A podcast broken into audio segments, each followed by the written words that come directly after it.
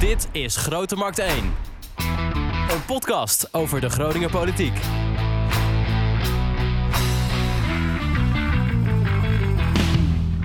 Welkom bij een nieuwe aflevering van uh, Grote Markt 1. Dit is alweer aflevering 36. Ik ben Wouter Rolsappel en naast mij Echo van Oosterhout. Dag Wouter. En we gaan het vandaag uh, hebben over, nou ja, Haagse politiek, Echo. Ja. Maar met twee echte Groningers. Ja, ik ben hartstikke blij dat ze er zijn. Jimmy Dijk en Julian Bushoff. Dag, heren. Uh, uh, mooi dat het gelukt is. Het was even moeilijk. Vorige week was er een crisisje in Den Haag, geloof ik. Noemen ze dat. Rutte die kondigde onverwacht zijn vertrek aan. Wij zouden eigenlijk vorige week gaan praten met elkaar. En, want het reces is ook begonnen. En dat was een aanleiding om terug te kijken op het afgelopen jaar. En, maar ja, dat werd opeens uh, in elkaar uh, gegooid, deze deal, door uh, het vertrek, onverwachte vertrek van Rutte. Toen moest alles omgegooid worden. Is gelukt, jullie zijn er. Hartstikke fijn. Dag Jimmy. Goedemorgen. En ja. hallo Julian. Goedemorgen. Weten mensen ook welke stem bij wie hoort. Eventjes de feiten. Want als ik het helemaal goed heb opgezocht, Julian, vanaf 22 november ben jij uh, Tweede Kamerlid.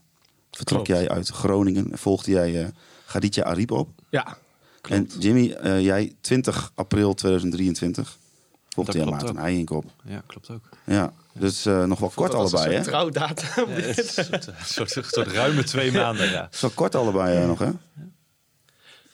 Ja, absoluut. Ja, dat is inderdaad vrij kort. Ja. En uh, inclusief een, uh, een meivakantie die ertussen zit, uh, ben ik inderdaad wel geteld acht weken Kamerlid nu. en dan valt een kabinet. Dus goed Jimmy-effect dit. Ja. ja. Zou je zeggen dat je de invloed op hebt gehad? Nee. Wanneer kregen jullie in de gaten dat hij zou vertrekken? Was dat echt die bewuste maandagmorgen? Nou, dat vertrek vind ik een beetje ingewikkeld. Maar je zag er wel aankomen dat er kabinetscrisis op kabinetscrisis was. En Um, ja, in mijn beleving stuurt de VVD hier ook wel echt heel bewust op aan. Uh, dus als je ziet dat nu je zeelgoes naar voren wordt geduwd, ja, dat doen ze al een half jaar. Uh, dus het verbaast mij eerlijk gezegd dat het voor de zomervakantie was. En dat Rutte in één keer op die maandag zei kappen mee. Uh, ik had eerlijk gezegd een beetje verwacht na de zomer. Um, ja, en dan was het niet helemaal duidelijk of Rutte echt zou stoppen of niet. Nou goed, een vierde kabinet wat valt, 13 jaar premier. Je moet ook om je, aan je opvolging denken. Volgens mij, in mijn beleving, heeft de VVD dit heel zorgvuldig gepland. En heel goed voorbereid. Maar laten we het zo meteen aan het eind er nog even verder op uh, doorgaan. Ja, want ja. laat even de volgorde. Allereerst willen we even met jullie hebben over die transitie van Groningen naar Den Haag. Transitie, Wouter, wat zeg je nou? Overgang, verandering. Volgens, nou ja, wat, ja, ja, acht weken dan. En jij dan iets langer, uh, Julian. Wat is het, uh, acht maanden, zeven maanden ja. of zo, uh, met vakanties. En als laatste willen we inderdaad nog even naar het uh, vallen van het kabinet kijken en de, de toekomst. allereerst, ja, um, als je dan vertrekt vanuit Groningen, Julian, jij bent van dan -hmm. fractievoorzitter van de PvdA, en je gaat naar Den Haag, met wat voor gevoel had je dan Groningen achter je? Nou, ik heb wel even getwijfeld in het begin. Kijk, helemaal in het begin, in 2021 waren de Tweede Kamerverkiezingen. En dan moet je afwegen, ga je op zo'n lijst staan of niet? Nou, toen heb ik daarvoor gekozen om daar op te staan, vol overtuiging. Maar heb ik er wel lang over nagedacht. Uh, toen viel ik net buiten de boot. Nou, vond ik helemaal niet erg, omdat ik in Groningen um, heel erg op mijn plek zat. Ik had het super naar mijn zin hier in de Groningse politiek. Mijn sociale leven had ik hier. Eigenlijk hoefde ik dus helemaal niet weg uit Groningen. Um, ja, en dat gevoel was er nog steeds wel een beetje toen de vraag kwam: ga je nu alsnog naar Den Haag? Het idee van ik hoef helemaal niet weg uit Groningen, want ik heb het hier heel erg naar mijn zin. Uh, dus dat vond ik ook wel spannend, van hoe gaat me dat bevallen? Um, en tegelijkertijd dacht ik op een gegeven moment ook van ja, uh, ik moet dit ook gewoon doen. Ooit heb ik dit gewild, ooit ben ik op die lijst gaan staan, dus nu is het ook tijd dat ik daar dan uh, ja tegen zeg en naar Den Haag ga. Um, en het bevalt me goed, hoewel ik Groningen af en toe wel mis. Jij was twaalf jaar fractievoorzitter van deze. Of was je ook 12 jaar fractievoorzitter? Of is het 12 nee, 12 en een half jaar raadslid en nog iets van acht of negen jaar ja. fractievoorzitter. Ja. Nee, ja, voor mij geldt een beetje hetzelfde. Ik stond, uh, ik stond op, de, uh, op de lijst voor de Kamerverkiezingen. Daar was ik voor gevraagd. Ik had zelf nul ambitie om dat, om dat te gaan doen. totdat ik gevraagd werd, dacht ik, nou ja, dan ga ik over nadenken. Toen dacht ik, ik zag steeds in Groningen dat alles wat je lokaal doet aan opbouw. Dat je opbokst tegen ja, Haagse afbraakpolitiek. Uh, Toen dacht ik, ja, als je dan echt iets wil veranderen, dan moet je toch echt daar wezen. Uh, en voor mij was het meest belangrijke, de meest belangrijke overweging, wat laat je achter? Um, en ja, ik zag heel duidelijk dat ik een afdeling in Groningen zou achterlaten, waar ik nog steeds onderdeel van ben. Hè? Uh, en dat de opvolging voor mij was. En als ik dan deze week kijk naar wat wij als afdeling hebben gedaan, dan zijn we vier keer uh, in uh, Paddenpoel langs de deur geweest om met mensen in gesprek te gaan over de stijgende boodschappenprijzen. Uh, en ook over de val van een kabinet. En dan denk ik, ja, dan is het, heb ik het toch best goed achtergelaten. En dan kon ik met een gerust hart uit, Groningen, onze kijkers, uit Groningen weg. Onze kijkers missen jullie al wel een beetje. Want jullie opvolging is wel wat minder actief met bij ons voor de camera komen. Nou, geef Daan even tijd. Dat komt vanzelf goed. Hij heeft een grote waffel, dus er komt op een gegeven moment, op een gegeven moment komt dat een beetje, snel naar boven. Een beetje ons appen en zo. Hè? Dat werkt altijd goed. Ja. ja. ja hoe, hoe, hoe vind jij dat jouw fractie het nu doet, Julian? De Partij van de Arbeid-fractie, is die, is die een beetje zichtbaar? Uh, volgens mij zitten er hele goede mensen in. Want ook bij mij speelt natuurlijk wel een beetje mee van... Goh, ik was eigenlijk relatief um, weer kort in een nieuwe periode begonnen. Hè? Want we, waren net, uh, we hadden net de coalitieonderhandelingen achter de rug, uh, verkiezingen achter de rug. En dan ga je weg. Dus dat is wel een.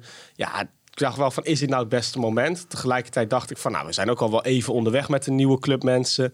Um, het coalitieakkoord ligt Volgens mij, als je dan toch een moment kiest om weg te gaan... is het ook niet zo heel gek om dat nu te doen. Want kunnen ze ook gewoon de komende jaren... gewoon hun eigen ja, koers weer varen. En ik vind ook dat ze dat moeten doen. Dus er zullen ongetwijfeld uh, mensen hopelijk een beetje jammer vinden dat ik weg ben.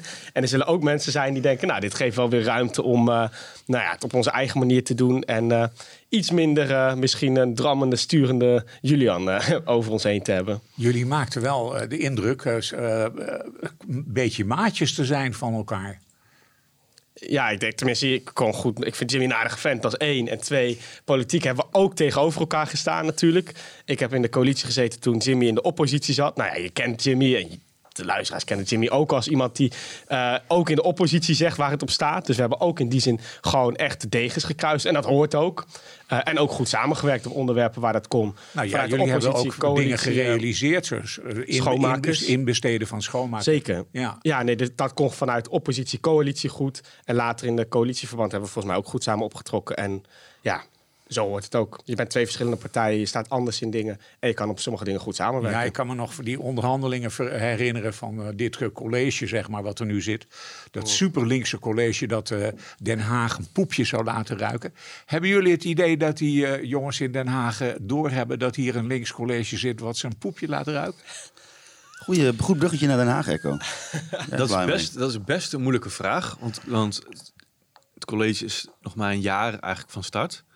Um, maar ik denk dat het belangrijkste is, en daar, ja, daar hebben Julian en ik elkaar altijd wel in gevonden, zijn de rode draden die in het coalitieakkoord staan. Die zijn heel erg gericht op uh, terugdringen van de marktwerking, uh, meer publieke regie, uh, mensen meer zeggenschap geven over hun eigen leven en werkomgeving.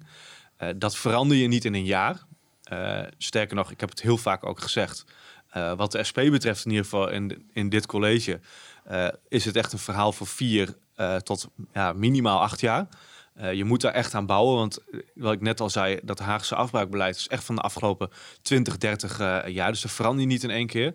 Maar het is wel een van de grootste steden van Nederland. Um, die de kont in de krip kan gooien. Ik zie het nu ook weer. Dat ze aangeven met heel veel andere gemeenten. Wij gaan een niet sluitende begroting indienen.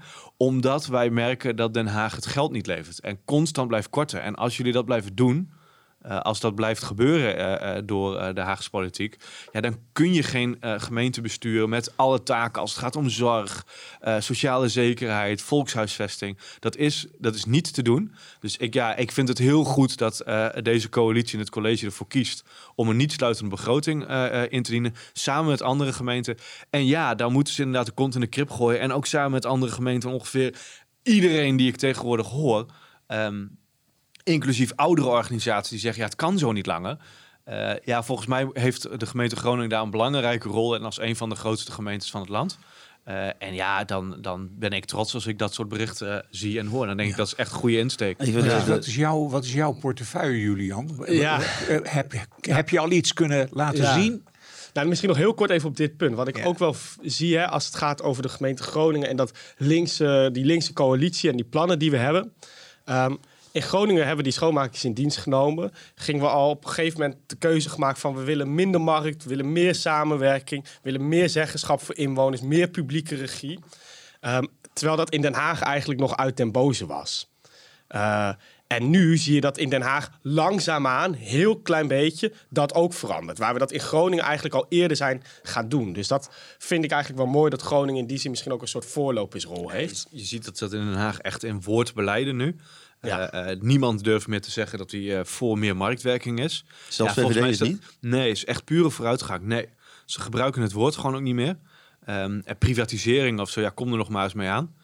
Um, in, in woord, hè? Mhm. Precies, en nu gaat het vooral om dat je dus inderdaad uh, krachten hebt van buiten Den Haag... die dat ook echt pushen en ervoor zorgen dat het ook echt niet meer gebeurt. En dat inderdaad richting samenwerking en... Uh, um, uh, ja, meer democratie in plaats van uh, ja. privatisering gaat. Jullie, zitten, jullie hebben allebei toch dezelfde portefeuille, geloof ik, of niet ongeveer? Ja, dat was ja. je vraag natuurlijk. Ja, ik doe inderdaad in de Tweede Kamer, hou ik me bezig met uh, zorg en binnenlandse zaken.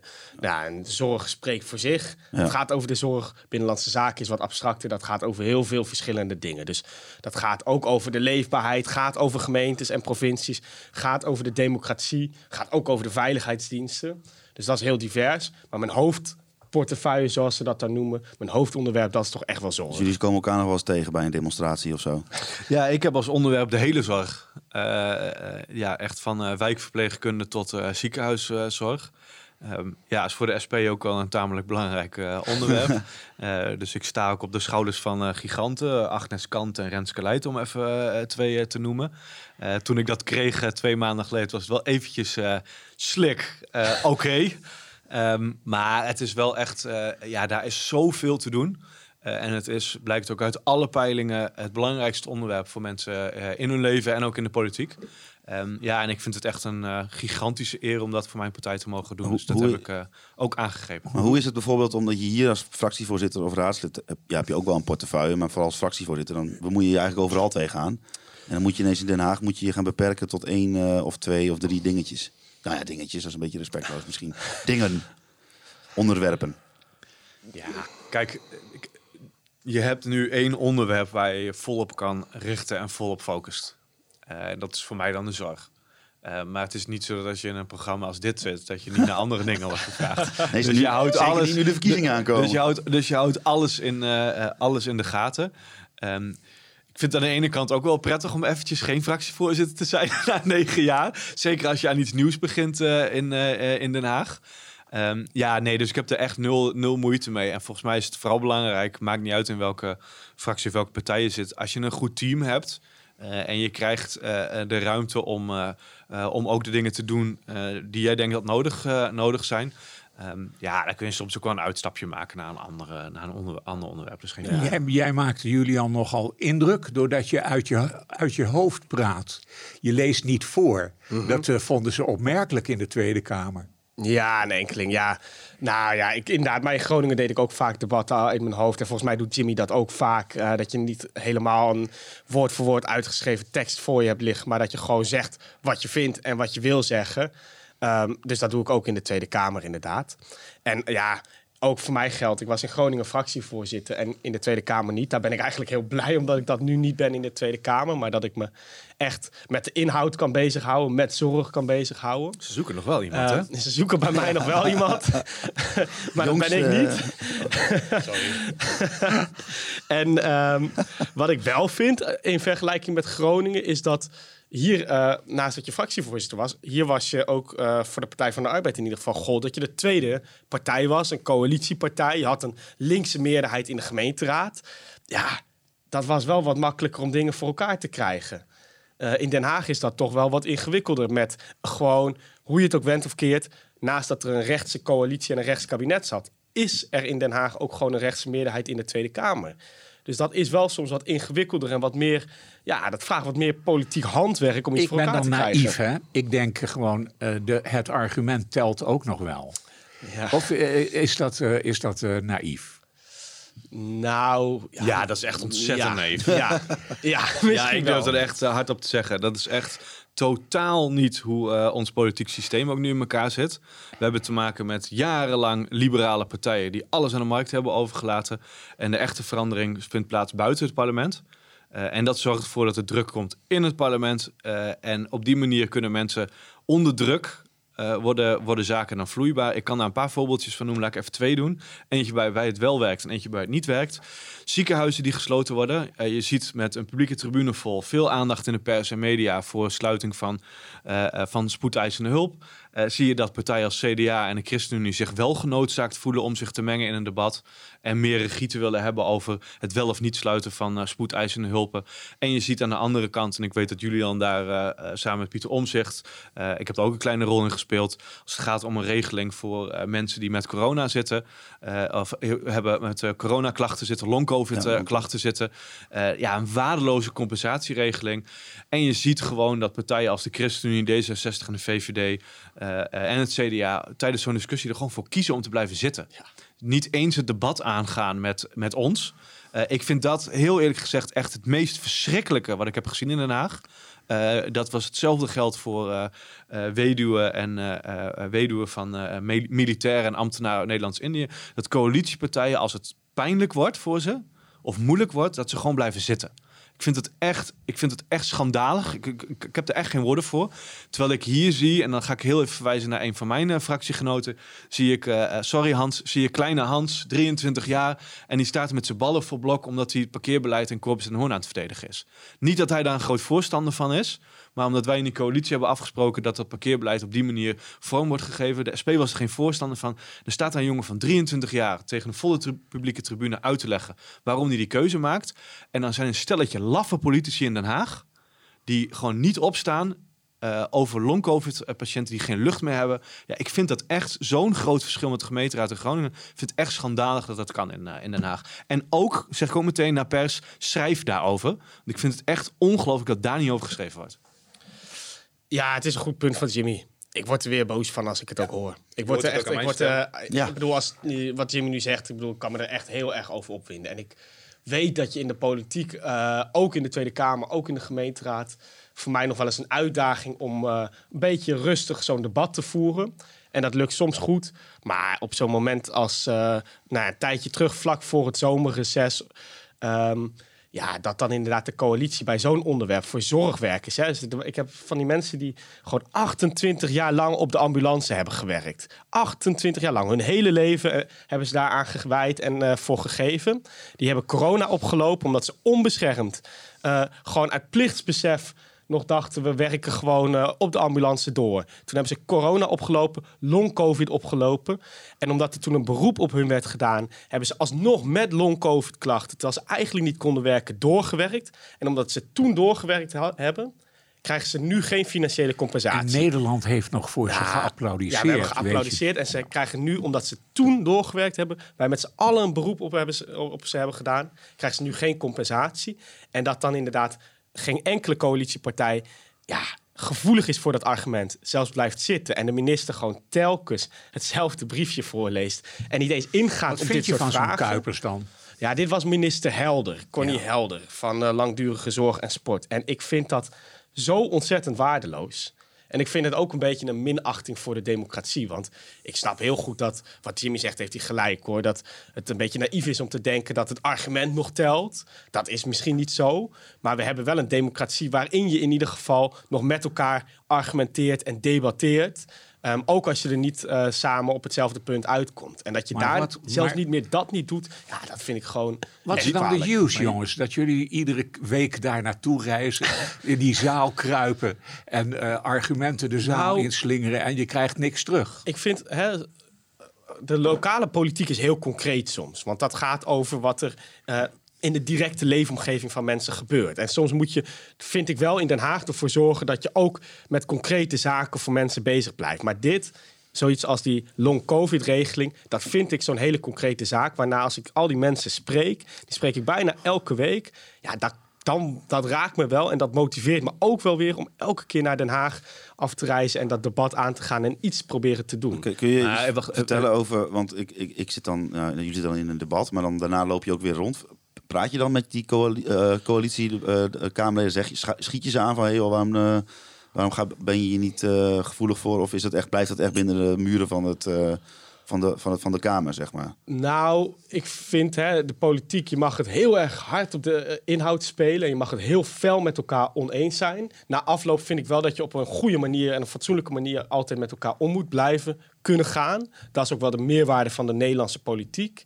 Tegelijkertijd, op zo'n moment heb ik ook niet heel veel behoefte eventjes om uh, gelijk gezellig met... Uh, die collega's de kroeg in te duiken. Nee, maar ik bedoel, meer van, je ze kunt nog steeds. Maar goed, ik heb geen zin om dan te zeggen... nou, eh, leuk dat jij bleef zitten. Hè? Nee, maar leuk, dat geen dat- debat gevoerd. Gebeurt dat ook nog niet achter de schermen? Nee. Dat je elkaar aanschiet Nou, van, in- joh, van eh, mij, oh, eh, eh, waarom blijf je nou zitten? Dat je dat gewoon even persoonlijk vraagt of zo. Dat je elkaar oh, dat tegenkomt. wel, dat kan wel, ja. Ja, ja. Dat gebeurt wel. Ja. Maar dan eh, heb je daar dan nog inhoudelijke gesprekken over met, eh, met dat soort mensen? Ja, we komen er niet uit. Ik heb het wel eens met eh, deze en gene wel eens over gehad. Over dit onderwerp inderdaad. Ehm, ja, gewoon verschil van inzicht, blijkbaar.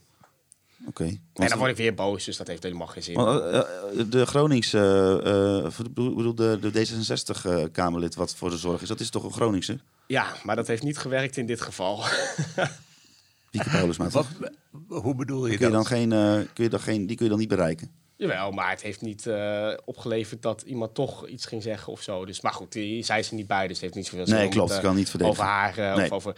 In zijn algemeenheid was dit gewoon een eh heikel punt... wat vind ik een mooi symbool was voor hoe het soms niet goed werkt in de Nee, maar het is wel een mooie. van, ja, hoe is het nou? Wat, wat vinden jullie er nou van om in Den Haag rond te lopen? Want jij begint meteen van: ik, ik vind het eh, leuk of mooi. Of ik weet niet precies meer wat je zei aan het begin. En eh, ik zie jou soms kijken van: eh, nou, eh, ik doe dit eigenlijk vooral vanuit een bepaalde idealisme. Maar Nee, kijk, ik, ik denk ook dat het, het heeft ook iets met mijn partij te maken. Dat wat ik net, wat Ja. ik net zei ook over, het is niet zo dat je daar binnen loopt en je gooit drie goede argumenten op tafel en iedereen is met je eens. Of je wint een debat met die drie goede argumenten. Dat, dat is gewoon niet hoe verandering werkt. En volgens mij, ik, ik heb net een voorbeeld genoemd, maar het belangrijkste voorbeeld is Groningen. Het allerbelangrijkste voorbeeld is Groningen. Moeten wij nog in Groningen gaan argumenteren waarom de gaskraan dicht moest? Waarom eh, de huizen versterkt moeten worden? Moet dat echt nog? Is het echt nog steeds nodig? Nee, het is gewoon, het is gewoon pure machtspolitiek. Echt pure machtspolitiek. En de echte veranderingen die plaats hebben gevonden in Groningen was toen de fakkeltochten waren. Daardoor is ook uiteindelijk die gaskraan, eh, eh, gaat de gaskraan uiteindelijk wel dicht. Eh, dat is wat die verandering heeft gebracht. En dan is zo'n parlement als eh, de Tweede Kamer in Den Haag, waar ook gedebatteerd wordt, is niet waardeloos. Kijk, voor mij is het, eh, voor mij en mijn partij is het een podium om je ideeën te delen met mensen. Maar ook een middel, gewoon een middel in de strijd voor verandering en vooruitgang. En Groningen is daar een goed voorbeeld van. En daar zijn we nog lang niet. Maar dat geldt voor heel veel. Ik noemde net het voorbeeld van, van ziekenhuizen. Ik merk gewoon dat het ook moed heeft gegeven aan mensen eh, om door te gaan met die acties. Eh, dat ze niet stoppen met zich organiseren. Want je ziet het nu in Heerlen, Nee, in is- Amsterdam, is dus in Heerenveen, is dus heel, Dat is heel zichtbaar dat de, de SP meer een actiepartij is dan eh, bijvoorbeeld de Partij van de Arbeid. Eh, Julian, mis jij, wil jij dat eigenlijk ook voor jou? De- laten we zeggen, vroeger dan werd er gedanst rond de meiboom, weet je nog wel. En dan eh, zongen wij eh, ontwaakt, verworpenen der aarde en zo. Dat, is, dat li- lijkt een beetje weggeëpt bij eh, de Partij van de Arbeid. Het is meer een beetje een bestuurderspartij geworden. Of zie ik dat fout? Nou, ik denk dat ehm, de Partij van de Arbeid en de SP zijn verschillende partijen. Dat klopt. En de SP staat erom bekend dat ze echt een actiepartij zijn. Eh, de Partij van de Arbeid staat er ook wel onbekend. En dat past ook wel bij de sociaaldemocratie. Dat je wel echt ziet dat je via het parlement, via gemeenteraad, echt dingen kan veranderen. Je wil ook graag op zich besturen om iets te kunnen veranderen. Dat willen we ook. Tegelijkertijd, ja. ehm, als je het mij persoonlijk vraagt, vind ik dat ook belangrijk dat we zoals Partij van de Arbeid in de wedstrijd staan. Maar ben ik ook wel echt iemand van de straat en van de acties. En kijk ik soms ook wel gewoon met een, nou ja, bewondering naar hoe een SP inderdaad mensen organiseert. Omdat ik ook wel geloof dat dat wel degelijk van groot belang is om inderdaad verandering te kunnen afdwingen. Dus nou ja, waar Jimmy misschien helemaal zegt van je moet eh, mensen organiseren, want anders krijg je helemaal niks voor elkaar. Ehm, zeg ik dat zie ik ook en denk ik dat tegelijkertijd de invloed van het parlement ook nog wel vrij groot is. Ehm, ja, kunt eens dus- stemmen. Hè? ja, daar zit wel een verschil in. Maar ik ben wel heel erg een eh, persoon die vindt dat je inderdaad met mensen de straat op moet gaan. En dat ik zie dat dan ook inderdaad eh, de druk hoger wordt om iets te veranderen. Dus ik vind dat de SP dat vaak heel goed doet. En ik vind ook dat de Partij van de Arbeid dat moet blijven doen en soms ook meer moet doen. Jimmy, het beeld van een Tweede Kamerlid is dat het heel erg zwaar is. Ja. Ja. ja, heel eerlijk, ik vind dat dus wel meevallen. Um, doe, doe, je dan wel genoeg? Ik vind, ik vind ja, dat geloof, ik geloof van wel. Ik durf wel te zeggen dat ik genoeg, uh, dat ik genoeg voldoende op je. Ik ben nooit thuis, dus ik voldoende op je ontwikkelgesprek gehad. Ik, ik denk, ik denk als je mijn vriendin vraagt, dan zegt ze je doet wel genoeg. um, Maar nee, ja, ik, ik, ik, ja, ik heb eigenlijk ik heb een dubbele mening over. Aan de ene kant vind ik het heel erg tegenvallen. En dat zijn de voorbeelden die ik net noemde. Uh, dat je echt. Uh, ja, ik ben het gewoon niet gewend dat mensen. Ja, sorry dat ik het zo hard zeg. Um, maar dat zeg ik ook op, op zeg maar, de mensen als uh, politici die het zijn. Als je blijft zitten bij dat soort onderwerpen, ja, dat vind ik gewoon laf. Ik vind dat echt, ik vind dat echt wel tegenvallen. Maar ik vind heel eerlijk, ik vind de, de drukte van het, het kamerwerk alleen, zeg maar vind ik eigenlijk wel meevallen. Ik vind eigenlijk als je in een stad als Groningen raadslid bent, naast je werk, um, ja, dat, dat, dat is, ik, het is vergelijkbaar. de druk is natuurlijk hoger als je in de Tweede Kamer zit. Er zijn, um, het gaat om meer mensen, meer mensen doen een, een beroep op je via de mail, telefoon, noem maar op. Maar het echte Kamerwerk, ja, ik vind het eigenlijk heel eerlijk gezegd wel een beetje meevallen. Jij dan en dus, en dus oh. hoe is de sfeer? De sfeer daar. Onderling. Ja, kijk, kijk ik, heb mij altijd, uh, ik heb mij altijd een houding aangenomen die ook uh, mezelf een beetje beschermt. Uh, ik vind het fijn om prettig met mensen om te gaan. ik ben zelf vrij heftig in een, in een debat en ook wel fel en hard. Oh ja? ja, en, um, maar het is, het, het is zeg maar, ja, daarbuiten heb ik geen zin om ruzie te maken. Dus dat geldt, nee, maar dat geldt zeg maar ook voor wat je net aan Julian vroeg. Ja, ik, sorry, maar ik, kies er dan toch voor om niet naar die mensen toe te gaan. Uh, en daarnaast, weet je, de ene ligt je beter dan de ander. Tuurlijk, is altijd uh, Ik moet wel eerlijk toegeven dat het is. was dat heel anders, toch? Ja, en ik moet wel zeggen dat het respect voor mensen die blijven zitten bij mij echt dan echt daalt. Daar moet, moet, ik wel echt toegeven. Heb ik ook minder behoefte om daar een soort omgangsvorm mee te vinden. Maar ik ben buiten, buiten debatten. Uh, ga ik of niet met mensen om, of ik ga op een prettige manier met mensen om. Maar daar buiten gelopen steggelen heb ik echt, uh, echt geen zin in. Dat is ook gewoon vermoeiend. Vind jij het zwaar? Nou, of kijk. Voel jij het druk? Er is wel druk in politiek Den Haag. Ik bedoel, die is er. Omdat er uh, veel mensen naar kijken. Er, staat, er hangt wel iets vanaf natuurlijk van wat er in Politiek Den Haag gebeurt voor het leven van mensen. Politiek Den Haag kan beslissen uh, of je wel aan het eind van de maand rondkomt of niet. Uh, we hebben invloed op of een streekziekenhuis sluit of niet. We hebben invloed op zo'n long-covid-regeling. Dus er hangt voor mensen heel veel van af wat er in politiek Den Haag gebeurt. Ja, dus dat brengt ontegenzeggelijk druk met zich mee. Dus ja, ik voel die druk wel. Um, vind ik ook dat het heel veel werk is. Nou ja, je werkt wel hard als het goed is. Soms maak je ook lange dagen. Deels in de Kamer, deels daarbuiten, overal op plekken in het land. Um, vind ik het goed te doen? Ja, ik vind het ook goed te doen. Ik vind het ook niet erg als ik uh, een week heel hard heb gewerkt. Um, soms vind ik het wel onbevredigend als dan het resultaat uitblijft. Dat wel. Maar ja, het motiveert me ook wel weer om de volgende week gewoon weer door te gaan. Ja. Um, en ja, je moet het wel een beetje, dat denk ik wel, je moet zoiets wel um, een beetje leuk vinden. Dus als je daar met elke keer met frisse tegenzin zit, uh, niks, uh, het allemaal niks vindt, het niet leuk vindt om te reizen, niet leuk vindt om met mensen in gesprek te gaan, ja, dan ben je ook niet geschikt, denk ik, als volksvertegenwoordiger. Dus je moet dat wel enigszins leuk vinden. Uh, en dan is het ook goed vol te houden, denk ja. ik. Um, ja, Tenminste, nou, zo zie ik het en zo doe ik het. Als je nou één uh, stapje uitzoomt, uh, dit systeem wat wij nu hebben met elkaar, uh, werkt het nog een beetje, vinden jullie? Of mag het wel wat anders?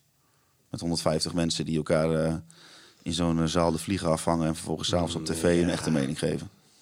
Ja, ik denk dat de democratie zoals we die hebben is op zich, hè, die moeten we wel koesteren. We hebben op zich een relatief goed functionerende democratie.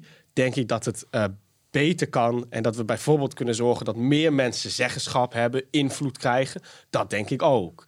Um, maar dat neemt niet weg dat de democratie zoals we die hebben wel iets is om te koesteren. En daar moet je ook wel voor blijven staan, vind ik. Ik ben wel iemand die, um, nou ja, echt vind dat we altijd onze democratie zoals we die hebben, hè, met dat iedereen mag stemmen, dat je mag vinden wat je vindt, dat je met elkaar het debat aan kan gaan, ja, die moet je wel altijd blijven verdedigen. Want je ziet ook in landen waar dat niet verdedigd wordt, of waar je er misschien een beetje onverschillig over wordt, wat het dan kan betekenen. En dan ben je nog veel verder van huis. Dus uh, daar moeten we echt altijd voor blijven staan. En tegelijkertijd dus ook niet onverschillig worden en zoeken naar hoe het beter kan. Door meer mensen direct zeggenschap te geven. Nu, nu hebben we dus uh, 13 jaar Rutte achter de rug. Uh, dat was ook een soort uh, gelovige, want die geloofde in de marktwerking. En daar geloven jullie allebei minder in. Uh, en Jimmy gelooft daar nog veel minder in dan jij, Julian. ja, Rutte is weg. Nou nee, Gaat er... oh, ho. Ja? Hij is niet weg. Hij, hij is demissionair. En met een, lach, met een lach durf hij nog wat te verkondigen dat het nog wel anderhalf jaar duurt voordat hij echt weg is. Oh, dat is heel goed mogelijk. 22 november zijn er verkiezingen. Uh, dat uh, wordt weer zo'n interessant mo uh, moment. Gaan we nou meemaken dat het de wereld er anders uit gaat zien, denk je, na deze verkiezing? Ten eerste is het echt een zegen voor het land dat die man stopt. is het ook echt ontzettend goed nieuws voor Nederland dat, er, dat dit kabinet geval is, dat er weer verkiezingen aankomen. Even in het verlengde met over democratie gesproken. Um, het is het enige moment dat de stem van een bankier en een schoonmaker even zwaar weegt. Um, dat is waarom die verkiezingen uh, altijd belangrijk zijn en altijd goed zijn dat ze georganiseerd worden.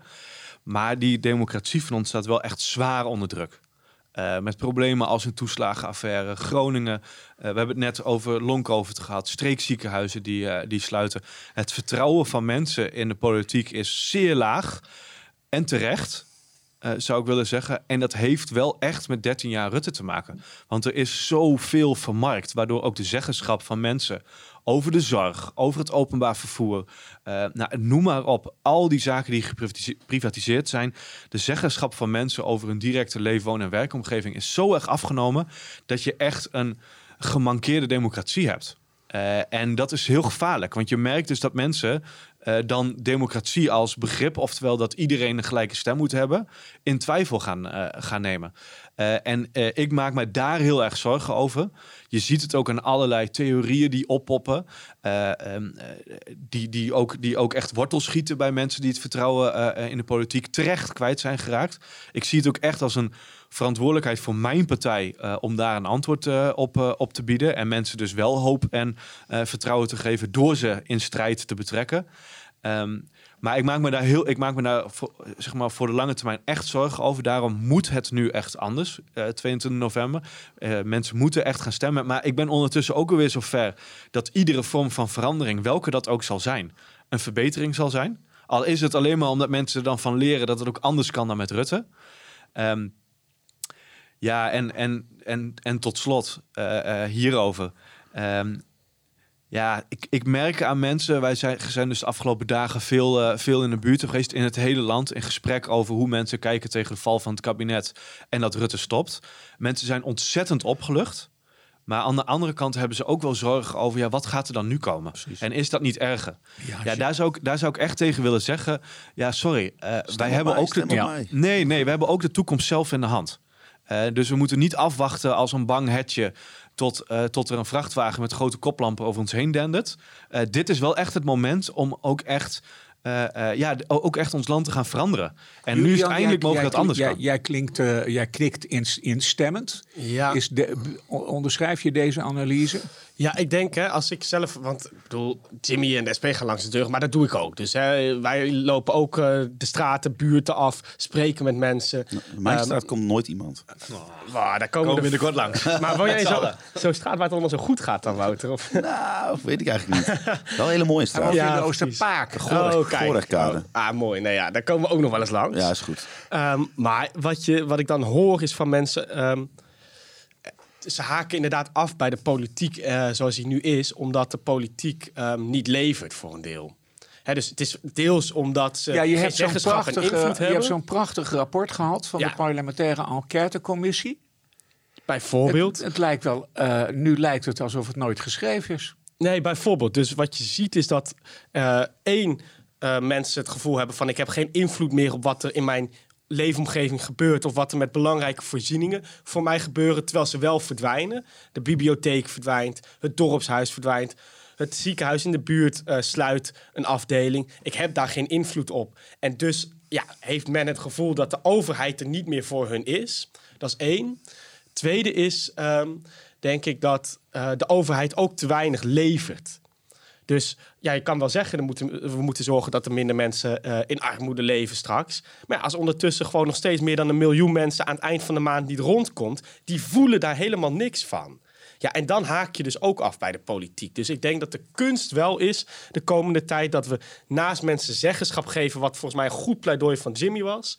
Uh, ook ervoor zorgen dat de overheid met concrete resultaten komt. En dat is ook wel wat tenminste mij altijd in de politiek heeft gedreven, ook in de Groningse politiek, dat je gewoon met concrete resultaten moet willen kijk komen. Dan, maar kijk dan naar zo'n parlementaire enquêtecommissie en dat rapport. Dat ligt er allemaal niet om.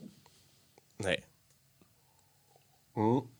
Is Ja, er, gebeurt, er gebeurt wat. Hè? Ik bedoel, er gaat geld naar Groningen, et noem maar op.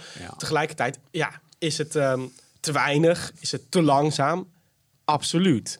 Uh, dus ja, dat schaadt ook het vertrouwen. En ik ja, denk niet eens zozeer dat het bijvoorbeeld dat de versteviging van de huizen in Woltersum uh, Weer. helaas uh, vertraging. Ja. Net even een paar weken eerder aangekondigd. We liggen keurig op schema. Is niet zo. Ja, ik vind dit voorbeeld, en dit is ook, dat zie je ook in de toeslagenaffaire, of het nou Groningen of de toeslagen is. Ik vind dat nog uh, verder gaan dan wat ik net noemde. Want daar zie je niet een overheid die niet levert of een terugtrekkende overheid. Daar zie je een overheid die tegenover mensen staat. Ja, en dat is natuurlijk helemaal funest voor het vertrouwen in diezelfde overheid. Dus ik vind deze voorbeelden nog, ja, nog een stapje verder en extremer en kwalijker dan uh, waar we het net over hadden. Er was, een soort, er was een soort religie die zei: uh, uh, vertrouwen is goed, controle is beter. Ja, ook. En, maar het is gewoon nog hè, erg. Ik bedoel, het is toch gek dat je uh, in de ellende bent gestort door de gaswinning... en moet knokken voor elke cent om gewoon een fatsoenlijk huis... wat veilig is, terug te krijgen. En dat je dat, niet, dat je dat moet doen tegen een overheid en tegen grote bedrijven. Dat was wat er aan de hand was. Ja, dan staat uh, mevrouw, uh, partijgenoot van uh, Jimmy, mevrouw Beckerman... die staat in de Tweede Kamer zeer, uh, zeer geëmotioneerd een verhaal te houden. Snap ik. En iedereen kijkt uh, op zijn uh, smartphone en luistert niet en gaat weer verder. Ik heb met aandacht geluisterd en Jimmy ook volgens ja, mij. Ja, ja, nee, maar... En heel veel Groningers ook. Gebeurde, maar er gebeurde verder niks, toch? Nee, maar we moeten... Kijk, ik probeerde het net, probeerde het net ook uh, aan te geven. Kijk, ik vind namelijk het... Uh, um, aan de ene kant de opluchting dat Rutte gestopt is... bij heel veel mensen... Um, maar dat probeer ik ook uh, hier ook duidelijk te maken. Um, we moeten niet de illusie hebben dat er nu een andere grote leider komt die het even gaat oplossen allemaal.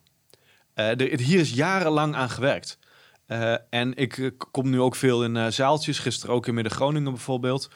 Um, en dan noem ik altijd het, het getal 327. En het staat voor 327 miljard euro ja. die in 2022 aan winsten is gemaakt. Alles is de afgelopen jaren alles is in dienst gesteld in de belangen van grote bedrijven en vermogenden.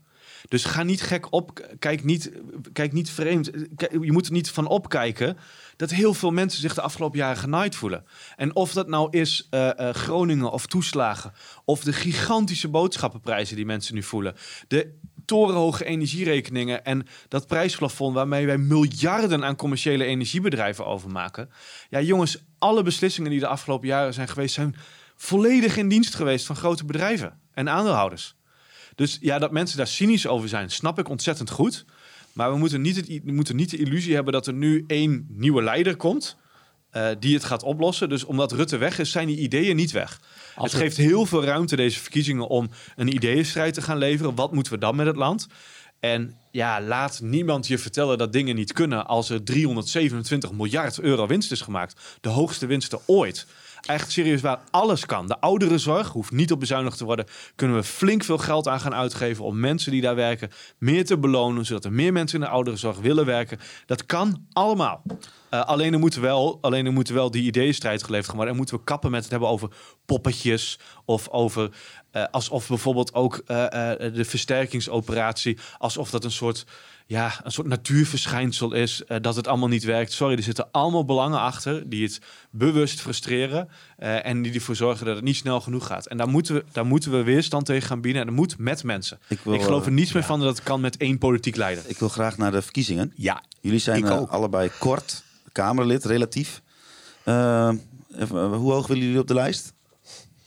Nou, het antwoord voor mij is dat ik graag weer door wil. Omdat ik uh, inderdaad nog maar kort Kamerlid ben. Ik ben straks, uh, als de verkiezingen zijn, een jaar, precies een jaar Kamerlid.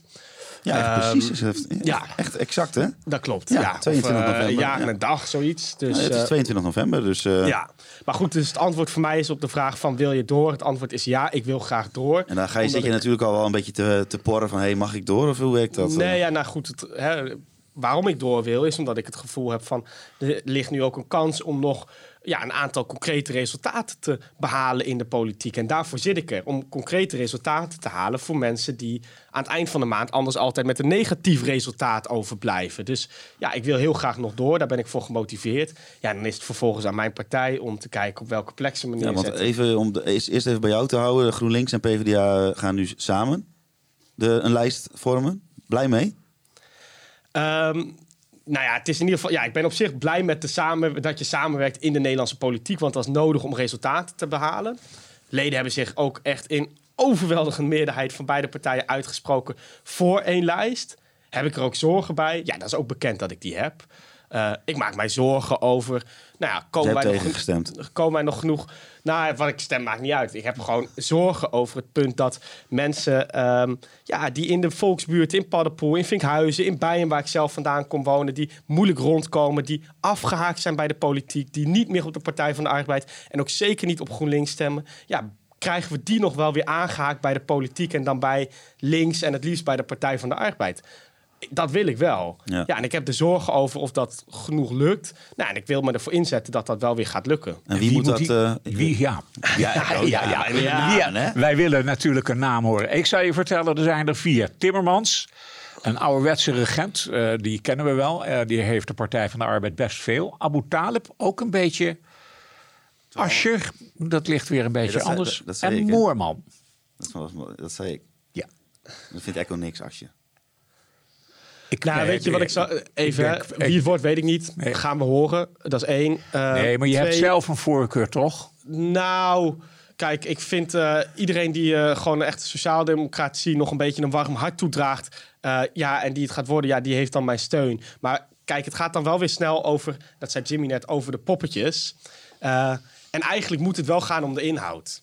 Over wat voor plan presenteren wij straks voor maar Nederland. het is toch ook waar dat iedereen een eigen stijl heeft. en misschien mensen ook gaan wel- ook- mensen misschien gaan ook natuurlijk ook wel zo dat je na 13 jaar eh, één leider... dat je ook eh, als Nederlander misschien tuurlijk. snakt naar een nieuw, een nieuw karakter. Joh, we hoeven er ook geen doekjes omheen te winden. Deze verkiezingen ligt natuurlijk gewoon, eh, gaat ook deels om het torentje. Wie komt daar te zitten? Dat is ook waar mensen in hun hoofd straks mee bezig zijn. Ik vind dat je dan hè, logisch, dus wij moeten een goed, goede lijsttrekker afleveren. Die, wat mij betreft, meedoet in de strijd om het torentje. Ik denk dat dat ook belangrijk is dat er straks een linkse minister-president zit en een linkse kabinet zit. Hoe de reëel is tijd. dat? Nou, ik denk dat dat best wel reëel is. Ik Nou, denk dat die kans ik, echt wijs op, ik wijs op eh, eh, de boerenburgerbeweging. Die, Die is eh, ook groot. zelfs in Groningen heel veel stemmen heeft gehaald. Maar ik zie ook dat er een kans is dat links de grootste wordt. Eh, daar moeten we volgens mij voor gaan.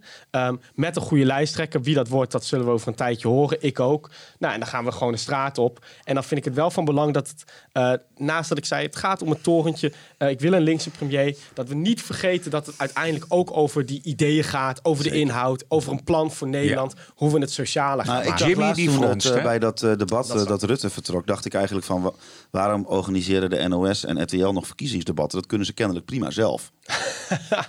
Ja, dat was een soort verkiezingsdebat. Dat klopt. Ja, en ik vond het vrij aardig om naar te kijken eigenlijk. Het, was, het ging niet... Ja, ik niet zo heel geweldig. Nou, goed. te zijn. Ehm, de SP, eh, Jimmy, eh, je, sto- je moet me even helpen. Wat voor, je stond op 10 of 9? 10. Ja, tien. 10. Ja, dat moet nu wel iets hoger, anders wordt het hem niet. Ja, laten we eerst constateren dat het gewoon Timmermans wordt. Dan hebben we dat in ieder geval gehad. En dan kunnen we Is daar dat ook zo? Gewoon, eh, ook mee, eh, kunnen we daar ook gewoon verder, eh, verder mee. Eh, nee, ja, dit is ook weer zo'n mooi geregisseerde, eh, geregisseerde eh, opzet van de PvdA en GroenLinks. Eh, ja, prima. Eh, maar goed, dan, dan, dan hebben we dat in ieder geval gehad. Dan Ja, weten we, ja. dan hebben we dat hier in deze podcast met elkaar Zou je ook eh, voor hebben gestemd, geconstateerd. Jimmy? Nee, ik zou echt never nooit niet voor hebben gestemd. Maar ik heb, me ook, eh, ik heb mezelf ook voorgenomen dat ik hier geen mening over heb. Ah, Oké, maar nu... Eh, ja, dat kan haast niet. natuurlijk Eh, Jimmy Dijk die ergens geen mening over ik heb hier een hele sterke mening over. Ik, vind het, eh, ik ben geen sociaaldemocraat, maar ik vind het heel gevaarlijk voor de sociaaldemocratie. En ik snap de zorgen die Julian er net over heeft. Snap ik heel erg, eh, heel erg goed. Maar goed, nogmaals, ik ga er niet over. Het is niet, eh, niet mijn partij, dus veel succes. en eh, en ik, hoop je, ik wens jullie veel, veel wijsheid. Ehm, nee, ik stond de vorige keer stond ik inderdaad op, op, op 10. En ik heb eigenlijk altijd dezelfde houding bij iedere verkiezing. Ehm, eh, dat past ook in lijn met wat ik net vertelde over hoe mijn partij werkt. Eh, ik ben daar waar ik nodig ben. dus als mensen mij vragen om hoog op een lijst te gaan staan, dan zal ik hoog op een lijst staan. Als mensen zeggen ga op 10, dan ga ik op 10. Als ik zie dat er heel veel goede kandidaten zijn waarvan ik denk, goh, die zijn beter dan ik, dan sta ik daar heel graag achter. Um, maar ik wil, uh, ik wil als, me, als me gevraagd wordt, wil ik, uh, wil ik graag door. Ja, we hebben, uh, jij hebt ook een keer bij een andere podcast van mij ingezeten. Komt veel minder over FC Groningen. We hebben met z'n drieën eigenlijk al gezegd: van, als jij nou gewoon Lilian Marijnissen van de troon stoot en lijsttrekker wordt, dan worden wij jouw campagneteam. Ja, ik vind dus als het om leiderschap gaat, ik zei het net al, hè, dan gaat het heel veel over poppetjes. Ik erger me daar echt kapot aan. Uh, ik vind het verschrikkelijk. Ik vind namelijk dat het. En ik vind echt, ik ga het hier ook zeggen. Ik vind pers en media hebben daar een rol in. Ik vind namelijk dat het de indruk wekt dat er één iemand aan de macht kan komen. die op een knopje drukt en de wereld verandert. Uh, dat, zorgt ook voor, uh, dat zorgt er ook voor dat mensen een soort hoop hebben op verandering. die op vervolgens voor niemand, voor geen leider waar te maken is. Daar moeten we echt vanaf. Uh, ik, ben, uh, ik ben heel erg voor het leiderschap. Uh, dat je ook zeggenschap deelt met, met mensen. Daar hebben we het net veel over gehad. Ik denk dat dat echt de sterkste vorm van leiderschap is maar, die er maar is. En ik, geloof, en ik geloof er heel sterk in dat Lilian dat kan.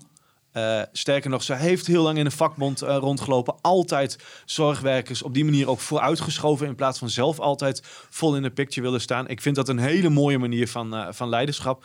Past ook heel erg bij, bij mijn partij. Uh, ja, dus ik hou me echt een beetje verre van, uh, maar, van het sterk leiderschap uh, van één persoon die de boel gaat oplossen. Jimmy, je kan een, wel zeggen dat de pers daar iets mee te maken heeft. En misschien is dat ook wel zo. Maar er is gewoon eenvoudigweg zoiets als charisma. Nee, de ene doet het gewoon natuurlijk. beter dan de ander. Nee, natuurlijk. En, nee, ik, en ik, dat ik wil, oogt prettiger. Ik, ik, ik, ga, ik ga ook niet per se de pers ergens de schuld van geven. Want die brengen gewoon verslag van wat de politiek ook brengt. Uh, maar ik vind wel dat het constant hebben over wie gaat het doen en wie gaat het doen. En iedere dag lees je het nu in de krant. Ja, ik word er een beetje moe van. Neem als politieke partij een besluit. Uh, die gaat het doen met je leden. Hoppatee. Uh, en diegene moet gewoon een verhaal hebben. En het moet veel meer over die inhoud gaan dan heet het over pop. Net als bijvoorbeeld nu Pieter Omzicht. Ontzettend, goede, ontzettend goed Tweede Kamerlid. Echt een heel goed Tweede Kamerlid. Uh, van der Plas, een heel goed uh, uh, Kamerlid. Echt waar, vind ik. Is echt, ik vind het een verrijking van de politiek, deze twee politici. Maar er zit, geen, er zit vooralsnog weinig partij achter. Bij de BBB iets meer. Um, maar ga het hebben over de inhoud in plaats van alleen maar over zo'n persoon. Ja, of die premier gaat worden, ja of nee. Je hebt ook gewoon te maken met de situatie zoals die is. En dat is dat als jij een bepaald persoon wel of niet naar voren schuift dat dat meer stemmen oplevert, waardoor jij meer kan bereiken. Natuurlijk. En ik vind daar, kijk, ik ben het, hè, ik vind, het gaat om de inhoud, natuurlijk. dat deel ik met Jim, maar want het maakt wel degelijk uit natuurlijk wie de grootste wordt en wie er in het torentje komt. Het maakt uit of dat een kandidaat van de Partij van de Arbeid en GroenLinks is. Dat hoop ik. Uh, en ik denk dat die kans er ook is nu wij samen een lijst gaan presenteren. Volgens mij uh, laten we dan ook zien dat we als links, als verenigd links, ook echt in staat zijn om mee te doen om de grootste te worden. En ik denk wel dat dat ook uitmaakt. Ja. Want er zit natuurlijk achter die persoon en achter die twee partijen die de grootste kunnen worden, wel degelijk een idee met waar we na met Nederland naartoe willen. Dus het maakt uit of Partij van de Arbeid en GroenLinks de grootste worden of weer de VVD de grootste wordt. Ja. En jullie, jullie gaan meedoen met uh, GroenLinks en de Partij van de Arbeid? Ik denk dat wij met uh, veel punten, met name van de PvdA, raakvlakken hebben, omdat het geen liberale partij is. Uh, en ik merk heel sterk dat er uh, punten zijn met GroenLinks waar wij sterk verschillen, omdat het echt een liberale partij is. Ja. Gericht op het individu. En daar zit ook wel het grote verschil tussen de Partij van de Arbeid en GroenLinks. Waardoor ik ook het risico wat jullie al net schetst, uh, goed kan, kan voorstellen. Ook een beetje de vrees daarvoor. Um, maar ja, het, het, is geen groot geheim dat linkse partijen dichter bij de SP staan. Wij zijn de meest linkse, sociaal-economisch linkse partij. Dus als er sociaal-economische voorstellen komen die vooruitgang bieden voor, uh, voor mensen, ja, dan zullen wij die steunen. En dat zie je. Maar goed, dat zien wij ook met de BBB bijvoorbeeld. Ja. Daar heb je ook veel, veel raakvlakken. Kijk, bij de VVD en D66, uh, uh, ja, daar zitten nul tot weinig raakvlakken. daar moet je gewoon eerlijk over wezen. Het zijn hele liberale partijen. Ja, dat zijn wij niet. En ik vind dat het liberalisme de afgelopen jaren sterk gefaald heeft. Uh, en ook mede veroorzaker is voor voedingsbodems uh, van extreem rechts. Uh, en dat zie je nu wel gebeuren. En daar maken mij grote zorgen over. Dus als je mij vraagt. welke partijen staan dichtbij je? Dan zijn dat alle niet-liberale partijen. Okay. Ja, en volgens mij is het nog wel zo, hey, hey, kort daarop aanvullend. Volgens mij is het zo dat Eh, ik vind het goed dat de Partij van de Arbeid en GroenLinks nu de handen ineen slaan en zeggen: we gaan, eh, we willen de grootste worden eh, en we willen een socialere en groenere koers voor Nederland gaan varen. Maar ik geloof ook dat we dat niet alleen kunnen als Partij van de Arbeid en GroenLinks. We moeten blijven samenwerken, ook met de SP, met BBB op punten waar dat kan, eh, met de vakbonden. Eh, dus het is goed dat wij samenwerken, maar daar stopt het niet. Ja, Hoeveel zetels ga je halen? We worden de grootste. Ik durf het bijna niet meer te vragen, joh. Nee, hoeveel zetels ga je halen? Meteen om de oren geslagen met... eh, het gaat niet om de getallen, het gaat niet om de poppetjes. Jongen, jongens, je zijn wel veranderd hoor in Meer tijd. dan 30. Meer dan 30. En hoeveel gaat de SP er halen? Ik vind meer dan 30 wel echt fantastisch antwoord. Hè? Nee, ik, ehm, Zes. nee, ik denk, zo, te- ik denk dat wij tussen de 15 en 25 zetels kunnen halen. Zo. Nou, dat is een mooie afsluiter. Eh, voor iedereen die eh, wat meer eh, fan is van rechtse politiek, bied ik mijn welgemeende excuses aan. Wij wilden, wij wilden gewoon met twee mannen die Groningse politiek hebben verlaten en nu in Den Haag zitten, gewoon even daarover praten. Maar ja, dan kom- ontkom je er natuurlijk niet aan dat met de Partij van de Arbeid en SP de ene linkse mening naar de andere over de tafel vliegt. Ja. Dus ik heb ik, Ietje Jacobs bij deze, ex- mijn excuses. Nee, het was hartstikke mooi dat jullie er waren. Bedankt voor jullie inzichten. En volgens mij, eh, als we, volgens mij, Jimmy, heb jij nog wel een beetje ingehouden. hè? Nou, ik vond het een prima gesprek. Eh, ik denk inderdaad dat eh, het grote verschil tussen de gemeenteraad in Groningen en de politiek in Den Haag is, is dat de politiek in Den Haag heel veel liberale en rechtse politici heeft die het land niet aan het opbouwen zijn, maar het land hebben afgebroken. Ja, dat maakt een groot verschil. En daar, ja, dat is wel een drijfveer voor mij om daar actief te blijven. En om mee af te sluiten, eh 11.000 euro per maand voor een Kamerlid. Vind je dat een beetje genoeg of moet er nog wat bij? Ik vind het echt onvoorstelbaar dat mensen zulke enorme bedragen eh, betalen. Ja, sorry, aan politie die niet leveren. Sluiten we hem daarbij af. Mannen, bedankt. Succes met eh, de campagne, denk ik. Hè? Want, ja, en op- Julian die en ook- zich daar wel bij aan. Hè? Moet Ja, je even, ja. ja. hij knikt in stemmen. Dus jij vindt het ook te veel. Ik vind heel veel geld. Ja. ja. Te Ehm, veel? Eh, ja hoor, het zou ook minder kunnen. Als je kijkt wat de schoonmakers verdienen of de mensen in de zorg verdienen waar ik voor opkom, dan vind ik dat verschil te groot. Ik vind überhaupt de verschillen in loon in Nederland veel te groot. Precies. Oké, nou, mooi, mooi. Het is mooi om af te sluiten. Hè? Ehm, ja, bedankt. Succes met de campagne. We gaan het in de gaten houden natuurlijk hoe jullie dat hier in Groningen gaan doen. Want eh, ik, mijn, eh, ik zal mijn bel weer eens aanzetten. Dan kunnen jullie ook bij mij aanbellen. En eh Echo, jij ook bedankt. Van harte. tot de volgende keer.